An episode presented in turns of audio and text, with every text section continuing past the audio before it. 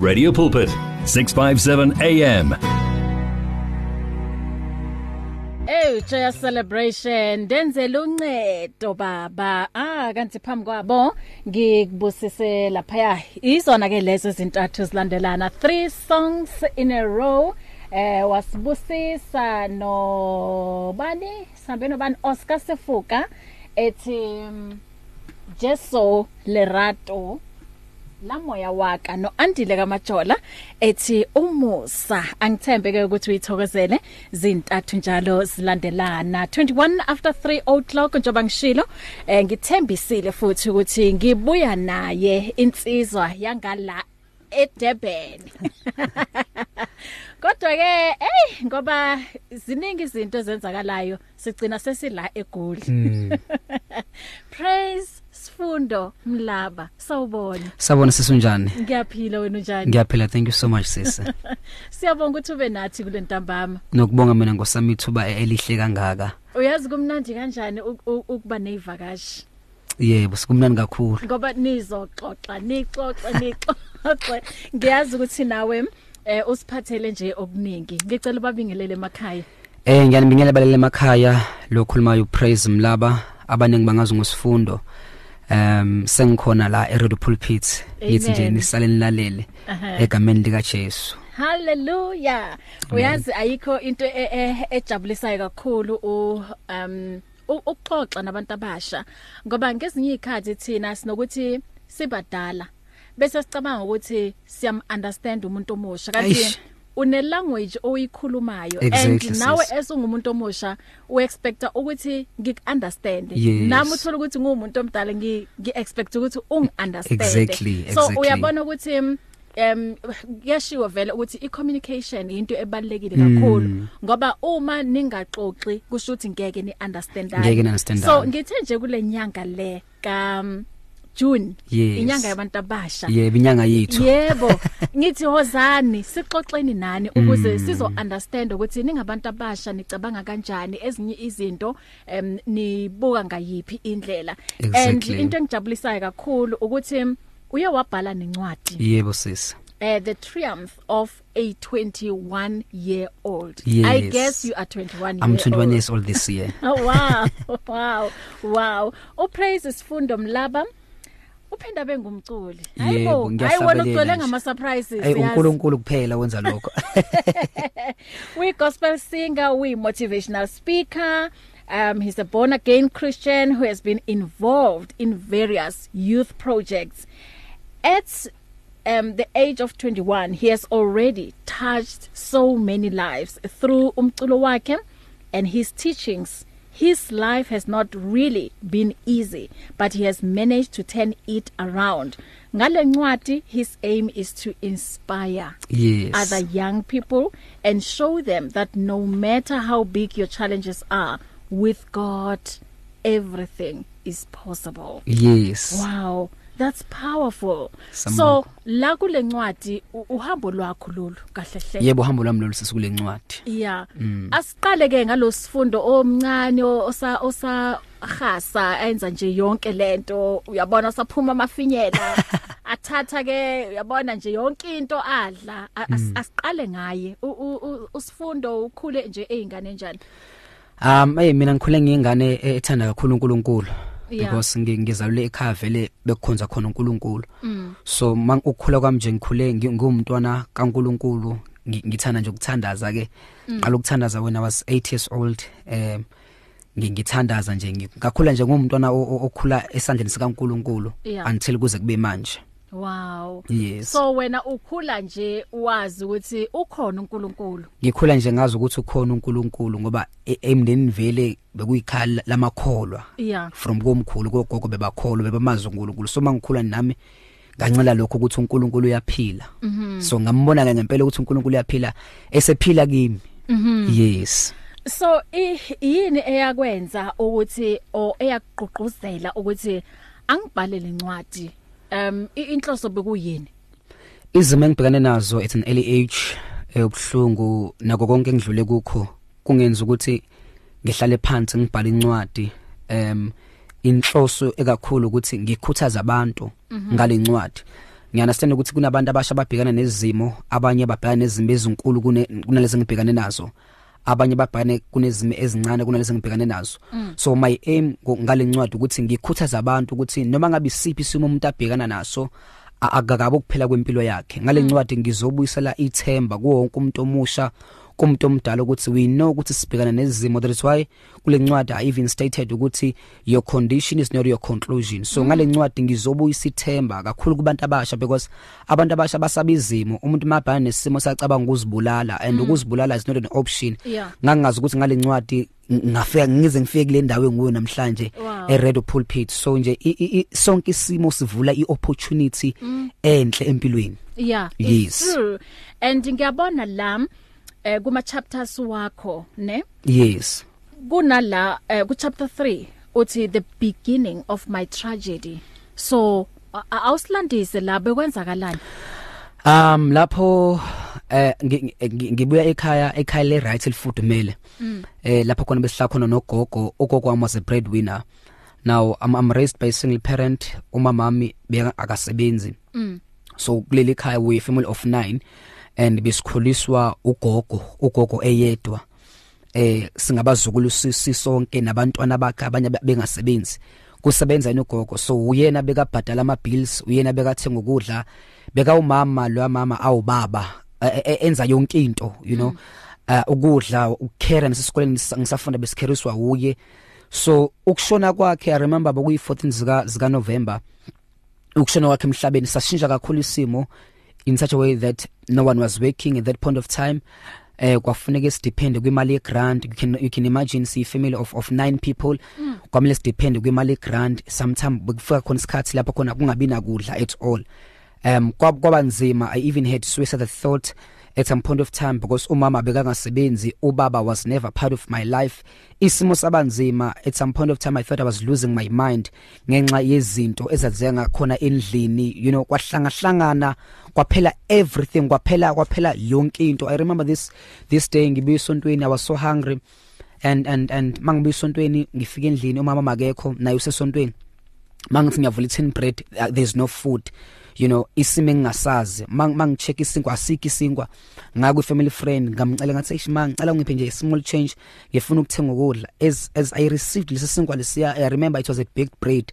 Uma ngisithatha ngakhala inyembezi because i never saw myself you know becoming a beggar or asking for food. Indlela ebesiphila ngayo ekhaya sisibesidla everything.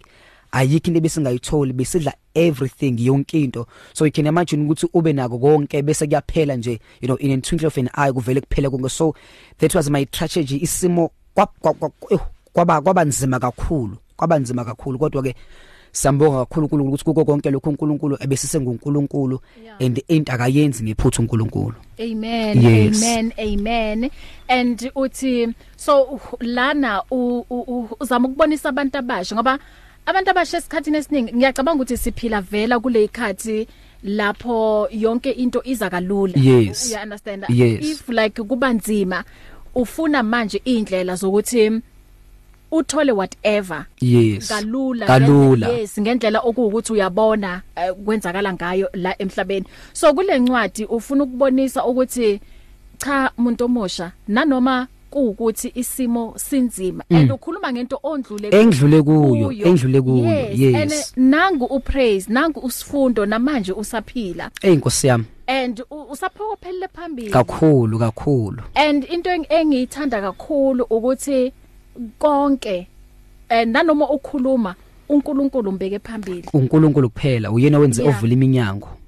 Aha yes impilo yomuntu omusha idinga uNkulunkulu. Yeah. You can't survive uNkulunkulu engekho ngoba siqiniswa uNkulunkulu. Yeah. Izimo engidliwa kuzo bezinzema kakhulu but if uNkulunkulu bekangekho bengeke ngisayivave as i'm saying i even mm. attempted suicide whereby i i wrote a letter ku mama ukuthi mama you know what i'm leaving Eish. i remember i took a long walk because i, I know i was overwhelmed by the situation at mm. home sometimes ngithi ngiyangena endlini ngithola mama khala mangibuza ukuthi ukhayelane should should be trying to be strong for me mm. azama ukusiqinisa but lento beyingizuzwa ubhlungu ukuthi you know ngikulomnyaka ngikuwo there is no plan you know isimo siyabheda mm. so nje uma ungena uNkulunkulu akulungi because uNkulunkulu yena osiqinisayo uNkulunkulu yena yedwa osimisayo. Mm. yes. Manje ushintsho liyo lwaba khona ngayiphi indlela? Hey ngoba uNkulunkulu sisi ngithi uyaphila uNkulunkulu. Yeah. ngoba uNkulunkulu u- ungumavula kuvaliwe aha. Umfundisi wami makashumela uthanda ukuthi uNkulunkulu ungumavela ngesimo. Yeah. So i remember bekunyaka ka2020 kwenzeka konke lokho eh from the beginning of the year kwabanzima mm. until eh ngoJuly so July uNkulunkulu wathi kimi take a ball pen and a paper. Ngaqala ngabhala incwadi ngingasebenzi number 1 ngibhala lencwadi angazi nokuthi ngizoyipublisha kanjani. Ngibhala incwadi akekho umuntu osebenzayo ubaba is not there my mama akasebenzi. Angazi nokuthi imali ye- yokukhipha lencwadi ngizoyithatha kuphi. But ngabhala ngokuholwa uNkulunkulu. Now ekubhaleni kwami it was July August September October uNkulunkulu wanginikeza umsebenzi. Wow. and bengisebenza kahle eMacro. Ngathola umsebenzi. First thing that came in my mind was publish this book. So ngavele ngapublisha lencwadi isimo sashintsha kanjalo ke manje ngiyasebenza nencwadi. I- abantu bayethenga babusiseka neminyango sayivulekile. So nje isimo sishintshe kanjalo ke ngoba I- am now kulomnyaka engi- engi- enginawo at the age of 21 ngiyakwazi manje ukusupport endlini. Ngiyakwazi nami ukuthenga ukudla ngamandla kaNkuluNkulu. So nje impilo ishintshe kanjalo ke ukuthi kusebenze mina uma mama akasebenzi manje but mina engisebenzayo mina manje okwazi ukwenza izinto ngamandla kaNkuluNkulu. So impilo ishintshe kanjalo ke nami ngima ngesibindi manje ukuthi ngumuntu omusha okwazi ukubheka ikhaya. Wow, wow. Um 1531 sikhuluma ke la eh no Sifundo Praise Mlaba ubhale incwadi ethi The Triumph of a 21 year old from hardships to prosperity. yes. And you uyazi ngendlela ngikuzwa ngakhona ukuthi uyazi ukhuluma une confidence kakhulu. And the confidence le onayo iyona ezokwenza ukuthi u- u- ubone nje noma impilo ibe em ngifuna leli gama. Impilo nje na- noma ubone ukuthi hayi cha lana ngisazama kodwa ngiyazi ukuthi ekugcineni kosuku ngizofinyelela Yes, la yes, yes. ngifuna ukuthi ngifinyelele khona. Um earlier on u- uJordan Sipho bekasinikeza i imotivation Yes. ethi asenze into uNkulunkulu asidalele iyona hey kusami namandla ke leyo. Yeah. Hey inamandla kakhulu. So wena as umuntu omusha so far kule age okuyona ngabe sowuyazi ukuthi uNkulunkulu ukudaleleni ula emhlabeni Aw lokho ngilokho ngikwazi noma ngilela ukuthi uNkulunkulu u- u- u- ungilethele la emhlabeni. Yeah. Yes, uNkulunkulu ngiyazi ukuthi ungibizele ukuthi ngizophilisa abantu Yeah. konke enginakho. Ngiphilisa abantu through my voice. Ngiphilisa abantu ngale incwadi engiyibhala because ak- akusiyona incwadi yokugcina le. This was just a start. Yeah. So incwadi ezinye ziyezwa. So nje ngiyazi ukuthi uNkulunkulu ung- ung- ungilese kulomhlaba nge nge purpose and ngiyaphila uthi umfundisi wami bakashumela uthi ukuphila kuumusa Yeah. siphila ngomusa kaNkuluNkulu so leli thuba lokuphila ngiyazi nje ukuthi uNkulunkulu usa- usa- usangimisile ukuze ngikwazi ukushintsha impilo zabanye abantu abasha abanye sebalahlekelwe yithemba abanye you know asaba asa- asababhekana nezimo ezinzima abacabanga ukuthi it is the end of their lives. uNkulunkulu ungimisele lokho kulomhlaba ngiphila nje kunemphefumulo emile ngiyoyilanda ngibatshela ukuthi akakabe ukuphela kwempilo yakho. Noma ngabe isiphi isimo Yeah. singakanani uNkulunkulu uyabona uNkulunkulu ubhekile. Yes. Manje usasewumuntu omusha and then uyahlangana nabanye abantu abasha. Yes. So abakhulumi nje izinto ukuthi hayi wena praise uyabhora. Wena uzenza uNkulunkulu wala emhlabeni. Yes. wena uzenza ngcono. Akusiyinkulumo ohlangabezana nazo? They used to do that esikolweni. Esikoleni Yeah. i used to host um i- SCO yeah. Lapho khona besihlangana njalo ngama ngama break sihle- si- sisithandaza. Bengishumela ngale- ngalezo khathi lezo eh sithandaza singabantwana besikole. You know abanye bezokwenza into ezifana bevula umnyango sisathandaza you know abanye behleke they even called me pastor. I even mention it lapha encwadini bangibiza ngomfundisi but pastor abanye babathi pastor not because of ba- ba- babiza ngendlela right but bayangithiza you know baba bazama ukuhlekisa ngokubukisa. Kanti abazi ukuthi lento i- isegazini into eng- into eng- eng- eh, babona ugcobo kahle kahle bona hayi ngoba behlisa kunento abayibonayo so sometimes amayiqala bengiphatheka kabi ngithi why bengibiza ngomfundisi you know? Why bengibiza ngalamagama lawa? Until ngiunderstand ukuthi vele kusho ukuthi kunalento abayibonayo mina engingakayiboni uyabona? So ab- bekungangizisa ubhlungu lo magama yonke indawo la ngifika khona bangibiza ngomfundisi before ngisho ukuthi ngumfundisi vele angakabe umfundisi.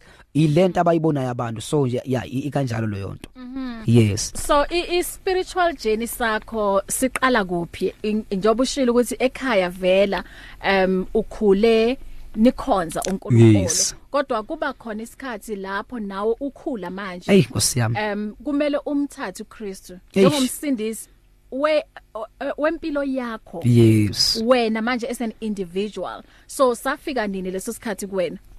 Lesikhathi lesafika 2017 um uma ngamukela uNkulunkulu njengenkosi nomsindisi. I remember there was a pastor who used to come to school in ashumayela ngizwi likaNkulunkulu ashumayela. I remember wa- wafuka uqala bekashumayela ngo ngo Obednik Shadrach and Meshach. And he came for the, for the second time bekashumayela ngo ngo ngo ngo Daniel ukuthi bamfake emgodini wengonyama wasinda. So nga- ngajoin inkonzo ke ngakhula kanjalo ke lika moya nga- ngakhula nje kanjalo e- ezwini kaNkuluNkulu so mina ngulomuntu ngihlezi ngisendlini ngi isikhathi sami esiningi ngichitha endlini noma ngichithe e- e- enkonzweni. Ngi- ngi- ngiya kwi-altar kaNkuluNkulu ngikhuleke. So welika moya ngakhula kanjalo ke nasentweni zikaNkuluNkulu. Yes. U- unqoba kanjani ama temptation sisi nkosama ayikho enye indlela ngaphandle komkhuleko. Yeah. A- a- a- ayikho enye indlela. uNkulunkulu ng- ngoba ngi- ngikhuluma nje nginesibindi anginamahloni ayikho enye indlela ngaphandle kwaNkulunkulu. Singabantu abasha you know we are getting tempted izinto eziningi la ngaphandle. Ziningi izinto ziyaphithizela and singabantu abasha sithanda izinto yabona? But uNkulunkulu nje ungiphe lo musa ukuthi ngibe ngibe yimi nje ngingafani nomunye umuntu. Ngi- ngiyimi nje ngi- nginje ilingo mayifika ngi- ngiyathandaza ngithola ngithandaza ngoba ngihlezi ngi- ngomuntu omkhuleko nasendlini bayazi ukuthi lapha kuyazi ukuthi kuya- kuyakhulekwa nalomuntu lo uyakhuleka. So nje ilingo ah nkosi yami emkhulekweni siyanqotshwa. Wow 1537 um uma ke uthanda ukuxoxa naye u praise Sifundo Mlaba noma une question incingo ngizoyivulela ku 0123341322 noma ku 0123338699 ungathumela ne voice note ku 0826572729 inamba ke leyo WhatsApp noma i, i Telegram SMS ungasebenzisa u37871 um nangu ukhona la e-studio ngizomdedela uh, ngo 4 o'clock. So lesikhathi ungasebenzisa ke um uma unombuzo noma uthanda nje ukum encourage more ngoba s- siyayidinga encouragement Exactly, exactly. um singabantu kakhulukazi wena ungumuntu omusha Yes, ngakho yes. bengikubuza ngama temptation ngoba ayohlezi nje Ekhona kakhulu. ya ngaso sonke isikhathi and then uyazi ukuthi usathana into enhle aka- hey akayifuni akayitha akayifuna lahambe khona akayifuni so angazama nanoma yini ukuthi nje a- acekele phansi o mhlambe ugcine manje uthi hayi lento le ayisebenzi ingakho ke Yes. uthola ngezinye ikhathi kuba nama challenges u- uyibuze na ukuthi ibuyapi lento Bebu- kwenzakalani ye Ayi, kwenzakalani Nkosi. kumosheke kuphi ukuze uzogcina manje sowukhuluma so sowufana no nonkosikazi kaJobe hey inkosi Ethi, athisoka lo nkulunkulu yebo. hey inkosi yami ngoba ayikho nje into so yilapho uthola ukuthi ngisi- esikhathini esiningi ustrivela khona Mm. but i'm happy ukuthi lento uyincele usesemncane. Yes. Ngoba kuthiwa ligojwa lisesemanzi. Yes. yebo so izwi likaNkuluNkulu wena em liye la la goba. Mm. and usuku nosuku uncela kulona njengoba uthi uphila ngomkhuleko. Phila ngomkhuleko inkosi phila yami. ngendumiso. Hey. Uyahlabelela manje. Ngiyahlabelela nje Yeah. kungekudala so awudi une album I'm working on my album nje probably next month Yeah. i- izobe iphuma titled the heart of worship lapha kube kudunyiswa nje kuphela sidumisa uNkulunkulu. Wow. Yes. Um lesikhathi kunzima empilweni and uh, wabona ukuthi um, u- u- u- uzame ukuthi uqede ngempilo yakho. Mm. Uthi uye wabhalela umama incwadi. Yes. Umvalelisa uthi hayi mama mina ngisakhoni ngiyahamba. But manje i'm happy ngoba um awusenayo leyo ngqondo. Angisenayo. Ucabanga nje oku positive exactly. empilweni. Yes. So kwamanje uma ungathi umbhalela incwadi umama u- ungathini kuyena? Eh kosami ngi- ngi- ngi- ngi- ngi- ngingambonga nje. Yeah eh ngingambonga ngo- ngo- ngokuba umama wami. You know Yeah. kuyisibusiso ukuba nomama emhlabeni kuyisibusiso kakhulu ukuba nomama empilweni. Mm. yabona? So ngingabonga nje ukuthi koko konke. I remember ma- ma- ma- mangibuya asakayibonile iletter mangibuya wangibamba ngezandla sathandaza. Sabonga uNkulunkulu ngempilo yami. Yeah. because vele ngangithi kuyaphela ngami kanti uNkulunkulu ufuna into azobhala engizobhala ngayo kulencwadi Mm. uyabona so so ngabonga ukuthi ngibonga ukuba nomama njengaye you know umama okhuleka okhulekayo umama omsaba uNkulunkulu.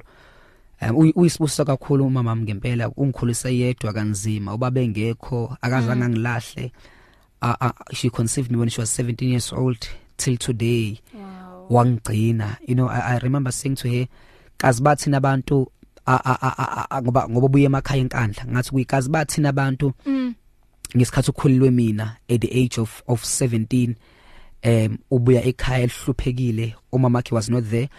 Eh ekhuliswa ubaba wakhe ubaba wakhe esebenza as njengomuntu uthunga icathulo ngathi kuyikazi kazi bathini lately manje ngithi kuyikazi bathini ngesikhathi ukukhulelwe mina lapha ekhaya? Ngoba ngiya understand ukuthi uyintombazane abanye bahlangana ngawe emfuleni bathi nibonile ingane kwakho uma lokhulelwe abanye bahlangana ngawe you know eyitolo bakhuluma wonke lamagama ngathi kubo bonke laba abakhuluma bazowagwinya maziwabo ngoba wena lo muntu wawumthwele esiswini sakho wawungatholanga nje umuntu nje. Wawuthwele umuntu wecebo likaNkuluNkulu. Amen. That is why at the age of 21 ngibhale incwadi incwadi manje engikwazi ukuthi ngikondle ngayo. So Hmm. umama u- uyisibuso kakhulu empilweni yami. Ngathi nje ngiyambonga ngokungkhulisa ngokungithanda.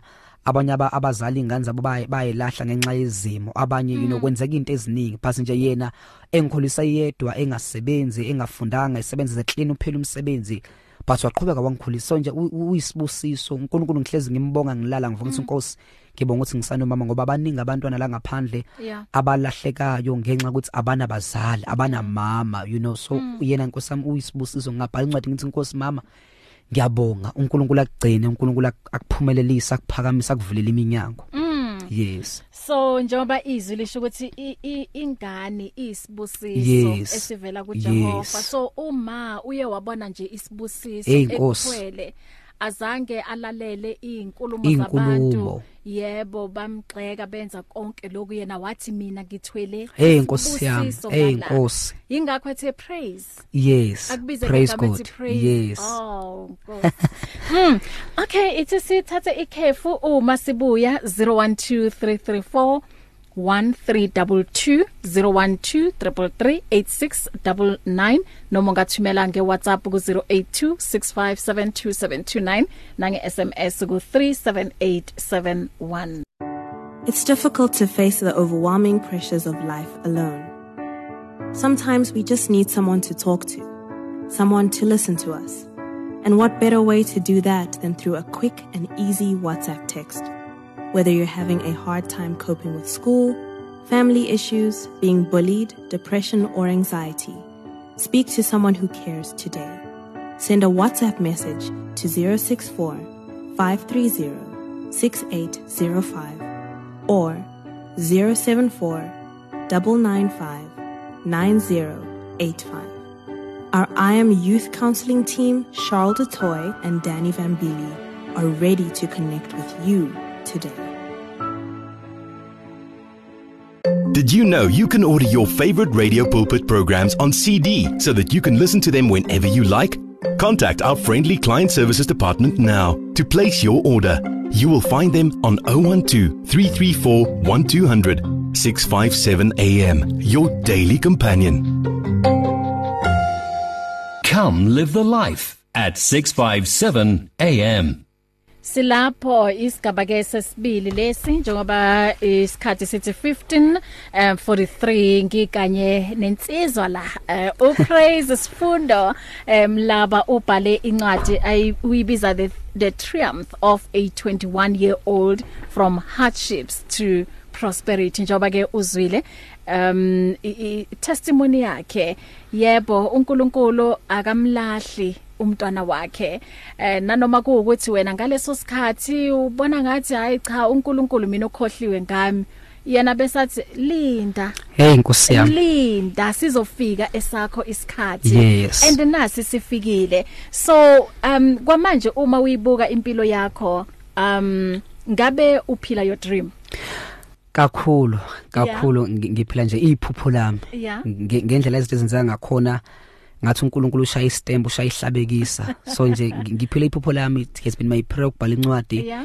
nokuthi ngingene studio ngakhulana ne manager manje ngine manager so I will be working on my album first mm. album angidumisa ngidumisa inkosi yami hey hey hey So nje- ayize, ayize ngifuna ukuyizwa so leyo nje album. i- ngiphila Yeah. leli iphupho lami nga- ngamandla ngosami kaNkuluNkulu you know mang- mangibheka abantu abasha la ngaphandle inhliziyo mabhlungu iyadabuka Mm. but ngibona ngibona ifavor kaNkuluNkulu phezulu kwempilo yami usuku nosuku umzuzu nomzuzu A- angiyazi into enje Mm. ngihlezi ngisho mama ngithi ngempela uNkulunkulu uyayithatha into engelutho Hey. ayiphakamise uNkulunkulu into ayihlalise namakhosi Yeah. into into beyibuya emkhukhwini wodaka uNkulunkulu wayishintsha impilo yami Mm. namhlanje angazi ukuthi uNkulunkulu ngempela unjani ngiyamsaba ngimsaba noma ngilela uNkulunkulu ngiyamhlonipha uNkulunkulu ngoba ngempela uyayishintsha impilo yomuntu lapha abantu sebathe over sebakurate off Mm. uNkulunkulu aqala into entsha ngempilo yakho Amen. Yes. Amen. Asibuke ke la ama WhatsApps u- u- umama la uthi yo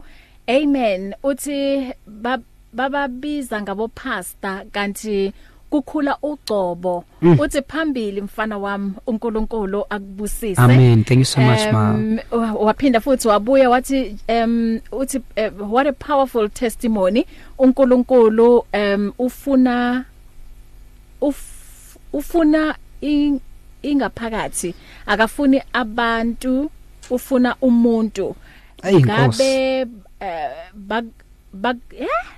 siza lapho eh sifundo uyayibona ngala yes ngiyabona ngabe bakulalele yo Yeah. Yes. Oh, ngiyacabanga ukuthi khuluma ngabantu abasha la. Yes, Yeah. yes. Um hi again Sister Bahle and ubhuti onayo e studio. Yebo, upraise Sifundo Mlaba. Uthi hey, so what a powerful testimony from umuntu omusha.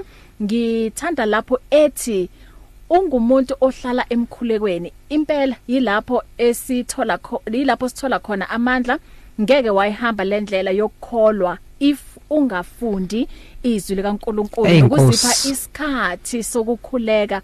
uNkulunkulu akubusise bhuti omncane. Amen, and amen. wish you Ngiyabonga all kakhulu, Nkosi the yami. best in life. Umam Ayanda Dube ungaleke e standard 10 ngiyabonga kakhulu ngosama mm. Yes. 0123341322 zivuliwe incingo noma um ungashayela ku 012333 8699 ne voice note ungayithumela kuyona leyo number um engo 0826572729 noma ke uthumele nge SMS ku 37871 isikhathi ke 1547 plus minus 10 minutes nginaye ngis- ngi- isikhathi sethu nje enginaso la eh, nosifundo so unga- ungasebenzisa ungamsebenzisa lo 10 mningi kakhulu. Kakhulu. Abantu abawu10 bangangena kulo 10 Yes, minutes. Yeah yes. mabangakhuluma nje 1 minute 1 minute 2 minutes 2 minutes. Yeah eh usase umuntu omusha ngempela and yinhle lencwadi eh eh, awuyibhalelanga kuphela abantu abasha ngiyacabanga. Eya wonke umuntu nkosi yami. Yeah yawo wonke Yes. umuntu.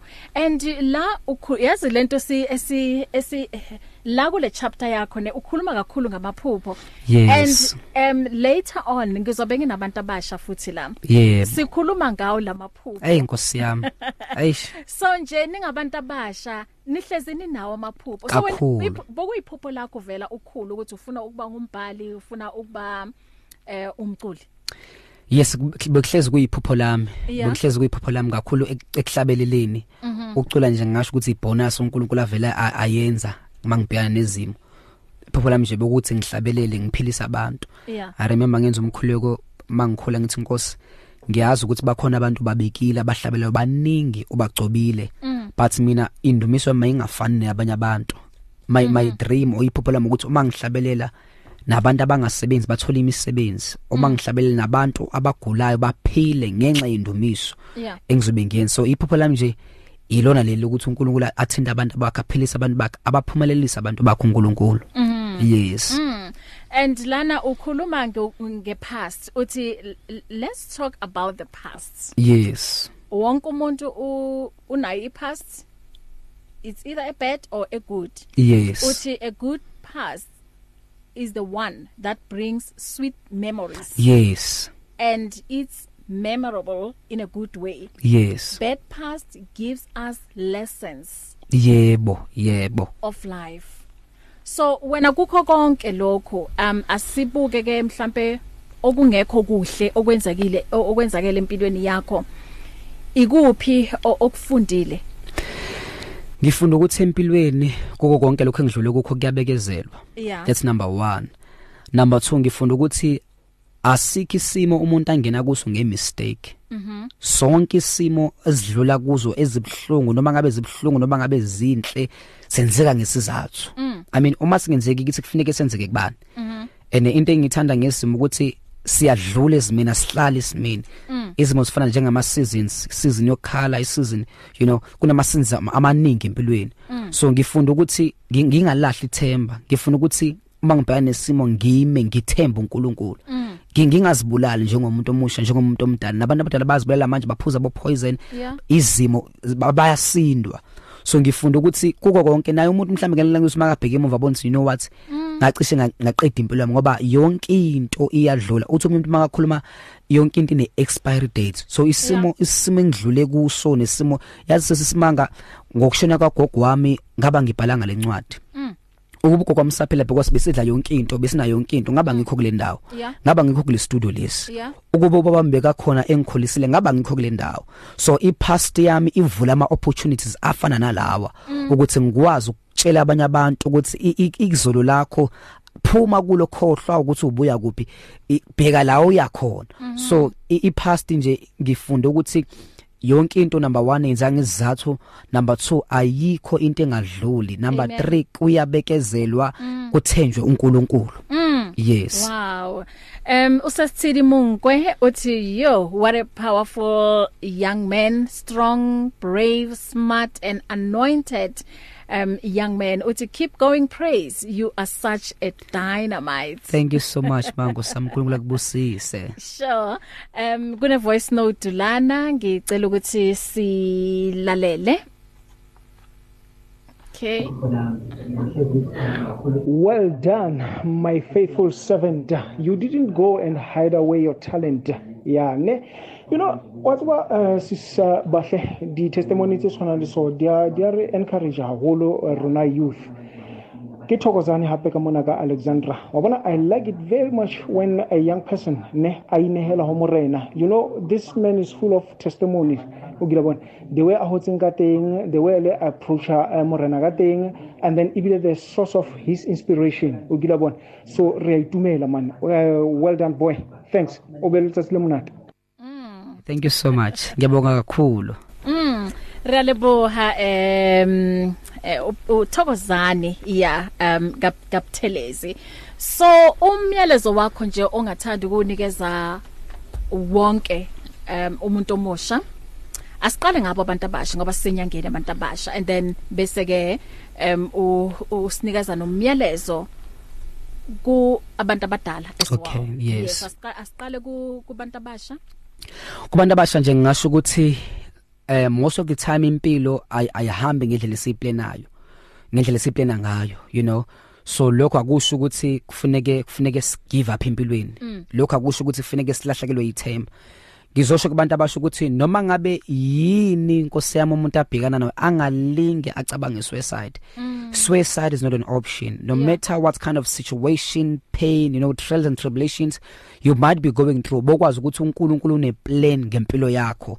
So nje amaphupha ayafezeka it's possible. Who knew ukuthi at the age of 21 you know it's, it's a remarkable achievement sis. Noma ngashona namhlanje abantwana bami ba- ba- e- ekhaya bayokwazi noma ngashona mhlambe nginabo senginabazukululu abazukulu bami bayo- bayokwazi ukuthi ubaba at the age of 21 wabhala incwadi e- ebhala incwadi engasizwa umuntu ebhala incwadi kungasebenzi umuntu ekhaya. Yeah. Ku- ku- ku- wasebenza wa- wabhala incwadi. So it's a remarkable achievement.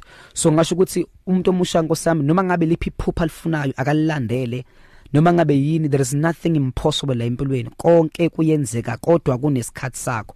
Okunye abantu abasha nkosami mabakhuleke noma ngabe benza ini bemcela uNkulunkulu bemtshela uNkulunkulu bebike konke kuNkulunkulu. Ayikho into engenzeki la emhlabeni. So amaphupho abo bawalandele bahlala ethembeni you know ba- ba- bazimisele. Kuko konke aku- abakwenza bazimisele. Into mabeyifuna bayilwele all things are possible Yeah. yes Mm, kuyiqiniso lelo. And um njobe sikhuluma ngendaba yokuthi ngesikhathi kunokuthi abantu abasha um nabantu abadala o mhlawumbe abazali babo kunala uh, thola ukuthi aba- aba- abazwani khona or aba understandani khona. So yini mhlambe iadvice ongayinikeza um abazali noma abantu abadala ukuthi ekugcineni kosuku young people nabantu abadala bakwazi ukuthi ke eh, babe neunderstanding. Ngisho ukuthi siyadingana ma. Eh umuntu omdala uyamdinga umuntu omncane nomuntu omncane uyamdinga umuntu omdala. So so eh noma ngabe mhlambe kuba nama- baba nama argument abantu abasha kumele kakhulu ba- bazithobe you know? Um babalalele kakhulu because in in such time abantu abasha ba- abasatshelwa. That Yeah. that defect umuntu omusha akasafuna ukutshelwa. Once wa- wa- wamdala wane voice enkulu sikazibone ngathi se- sekamdala yena seka seka seka ngakhuluma o- o- Nanoma okudlu- yini. noma nanoma yini kubazi kuba umzali uhliza umzali and okunye nkosami ngiyacela kakhulu bazali ngiyazi ningilalele ngicela nikhulume nabantwana benu ikakhulukazi a girl child you know abantu amantombazane they are facing a lot. They were going through a lot. Ube abazali esikhathini siningi a- abasaba naso isikhathi kahle sokuthi bakhulume na- nabantwana babo. Umntwana bakakhulu ubhekana nezimo that is why mawuthi ubheka kahle abantu abasha bazibulala. Bazibulala because of ama relationships that, that, that defects number 1 okunye izimo ababhekana nazo like ibullying. So abazali mili balokhu becheck ukuthi umntana wami ntombazana wami right kodwa mfana wami right kodwa basinikeze uthando salidinga ngosami uthando. Ngoba sigcina sifuna uthando ezindaweni ezirong bese siyalimala. Yeah. Yes. And and what about i, i openness between umzali kanye nengane? Kubaleke kakhulu ngosami ukuthi abazali bebe ne umzali nomntwana bebe ne relationship umzali akhulume nomntwana wakhe Yeah. nomntwana akhulume nomama. Okunye abazali kunabazali abangangeni kalula. Kuna kunomzali nje o o o o mhlambe abanye abathi uyathetha noma ukhulumela phezulu that is why umntwana noma enzekelwa izinto ezi ezibhlungu engeke akwazi ukukhuluma naye. So aqale kube umama obuza umntwana ukuthi u right no na- nawe then umzala abuza umntwana ukuthi u right kodwa? Ambuze ngempilo manje sibadala masibangaka. Mawuthi 21 ziningi izinto ezenzakalayo empilweni. Abo so ma relationship joba Exactly, kusho, ukuthi exactly. abanye bathwele kanzima. Kanzima. Because bangenile kulento Kakhulu, and abazi kakhulu. ukuthi bayifake kuphi. Exactly Yeah. exactly. So abazali kumele banormalize ukukhuluma ngama relationships ngabantwana babo bakhulume ngempilo ngamaphupho you know. Ziningi izinto ezenzakala kumuntu omusha.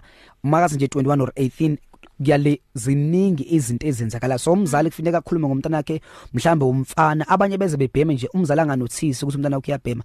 Azibone seku late umntana wakhe sakakumatha ukuthi hayibo lo muntu lo kade lento wayiqala. Ukuthi abazali abanye aba- abanasikhathi sokukhuluma nathi. Kodwa kanti siyabadinga kakhulu abazali. Ngesikhathi uh, hey uhleze sebenza uhamba ekseni eish. Ubuya ebusuku. Yeah asikho ayikho nje equality time. Mm. yeah um ku- kune SMS lana ngiyanibingelela egameni lenkosi sisibahle. Siyabonga ngomfowethu uNkulunkulu asigcinele yena eh obhalayo ubaba usithebe use Davidton uthi God bless you. Amen. Thank you so much baba. Mhm. Umamntombi Mvubu uthi hi sisibahle and Buddha Sifundo. Thanks um for the testimony. The bible says in psalm 113:7 to 8 ukuthi the lord raises the poor out of the dust Oh, and yes, lifts the needy um from the ash heap and dung hill that he may sit um them with princess even with the with prince with princes or with prince and princesses of his people so god had a purpose with his life Oh, and yes. thank god the devil did not prevail Amen. he didn't kill himself and still continues to share the um to to shame the devil and doing good for the name of the lord uthi keep going on but amen thank you so much ngiyabonga kakhulu ma Uh-huh. Um u u Mam Togozo la uthi good afternoon. I'm Togozo. I'm very proud and inspired by uButimfundo thinking of how my life has been um uthi you just inspired me and motivated me to do more Yes. to believe and trust and to be patient with our Father God. What I would like to ask is that how can I overcome challenges when I feel powerless or when I feel like God is not there or he is not answering my prayers. um it's a good question sis i've i've mm. been there nami kwafa khona isikhathi lapho ngibone ngathi uNkulunkulu akekho no Yeah. you know what uma ufila kanjalo keep going keep praying Yeah. usathana udalisa ingqondo yakho kube ngathi uNkulunkulu akekho that is why abantu bezibulala is because babone ngathi sekuphele konke. But uma uma ungagxile kakhulu emkhulekweni don't even listen to that voice. Ungazi nokuthi uNkulunkulu akekho. Keep on praying. uNkulunkulu uyaphendula. Uphendula umkhuleko yabantu abakhula so nje uma ungahlala kakhulu ukhuleke kakhulu uNkulunkulu khona uyaphila. So uma ubhekana nama challenges kube ngathi uNkulunkulu akekho ilesikhathi okufanele ugxile kakhulu kumkhuleko ilesikhathi okufanele kumbize khona kakhulu prova kuSathana Yeah. umtshela ukuthi wena uNkulunkulu ngiyazi ukuthi ukhona ngiyazi ukuthi uyangizwa ngiyazi ukuthi lesimo lesi engibhekana naso sizodlula ngiyazi ukuthi nguNkulunkulu ophilayo ophakeme uzongidlulisa uzongiphakamisa. Nakulesi simo lesi kuzobonakala amandla akho. Umbize kakhulu uNkulunkulu kunaqala Amen. Yabona nje indaba yomkhuleko ugcizelela indaba yomkhuleko. ayikho into esinqobayo ngaphandle komkhuleko ayikho Amen. Amen. Yes. Amen. Amen. Sifundo. Okay, um angi understand kahle la i message uyayibona? Yes. I WhatsApp. Good day. My name is Otsepegile uh Butani from Iponte Primary School. Utuna 9 years old. Okay. We wish you all the best and Ah. congratulations.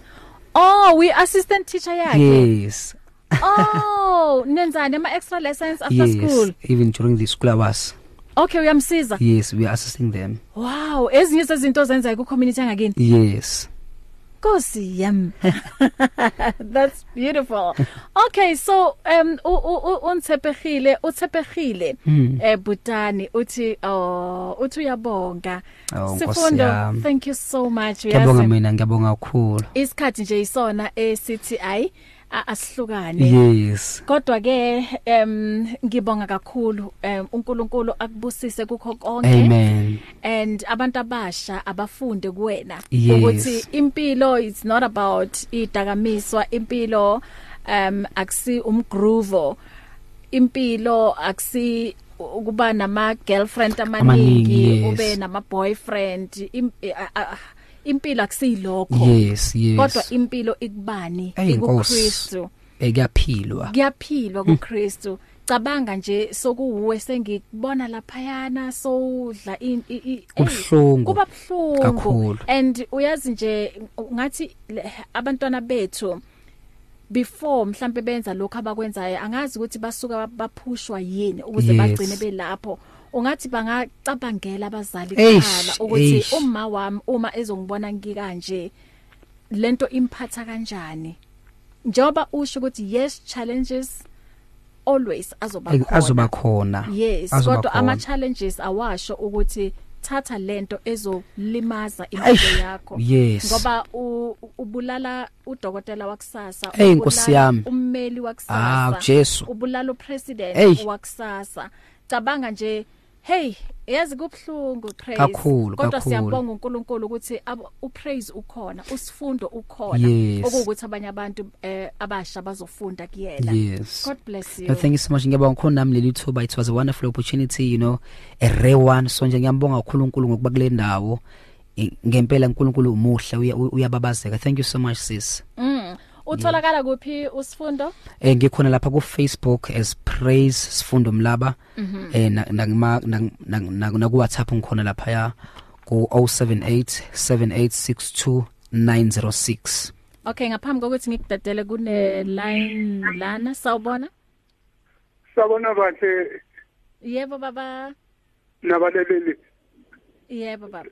sorry bahle kungena late ngithi uyabona u- abantwana ma ethola u- ukudla ekhaya athola ukugcoka into important ufunani okuningi ngoba usasemncane bahle Mm. ma ayedla egcoka kulungile okuningi ngoba usasemntwana kumele ukuthi alinde athole ukudla agcoke is alright okuningi akukho Mhm. yiyo into important Yebo baba.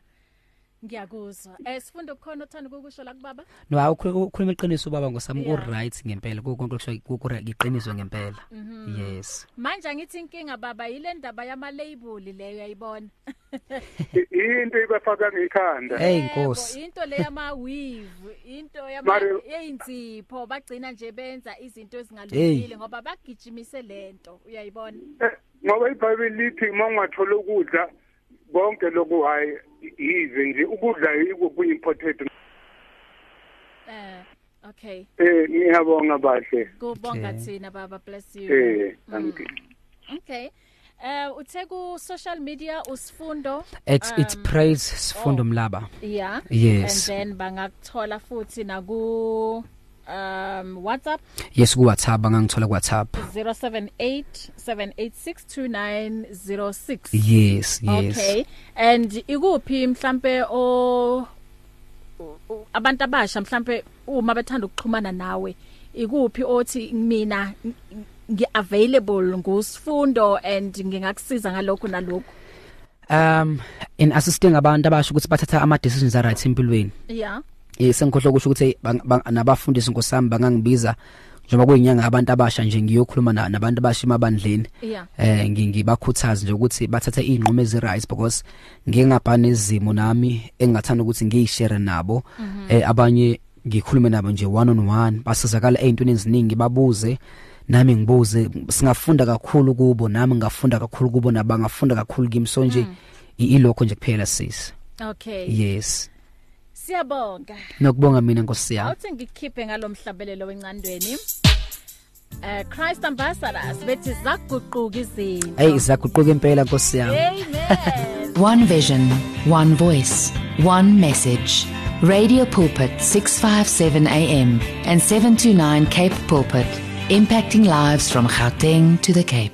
If you need prayer, please send your request to prayer radiopulpit.co.za or WhatsApp 067 429 7564 or go to Radio Pulpit website on www.radiopulpit.co.za. Do you want to grow your business sales? Do you know that you can advertise on Radio Pulpit, Radio Pulpit website, the Word for Today magazine, and the Word for You Today magazine at the ridiculously low prices? Yes, you can indeed.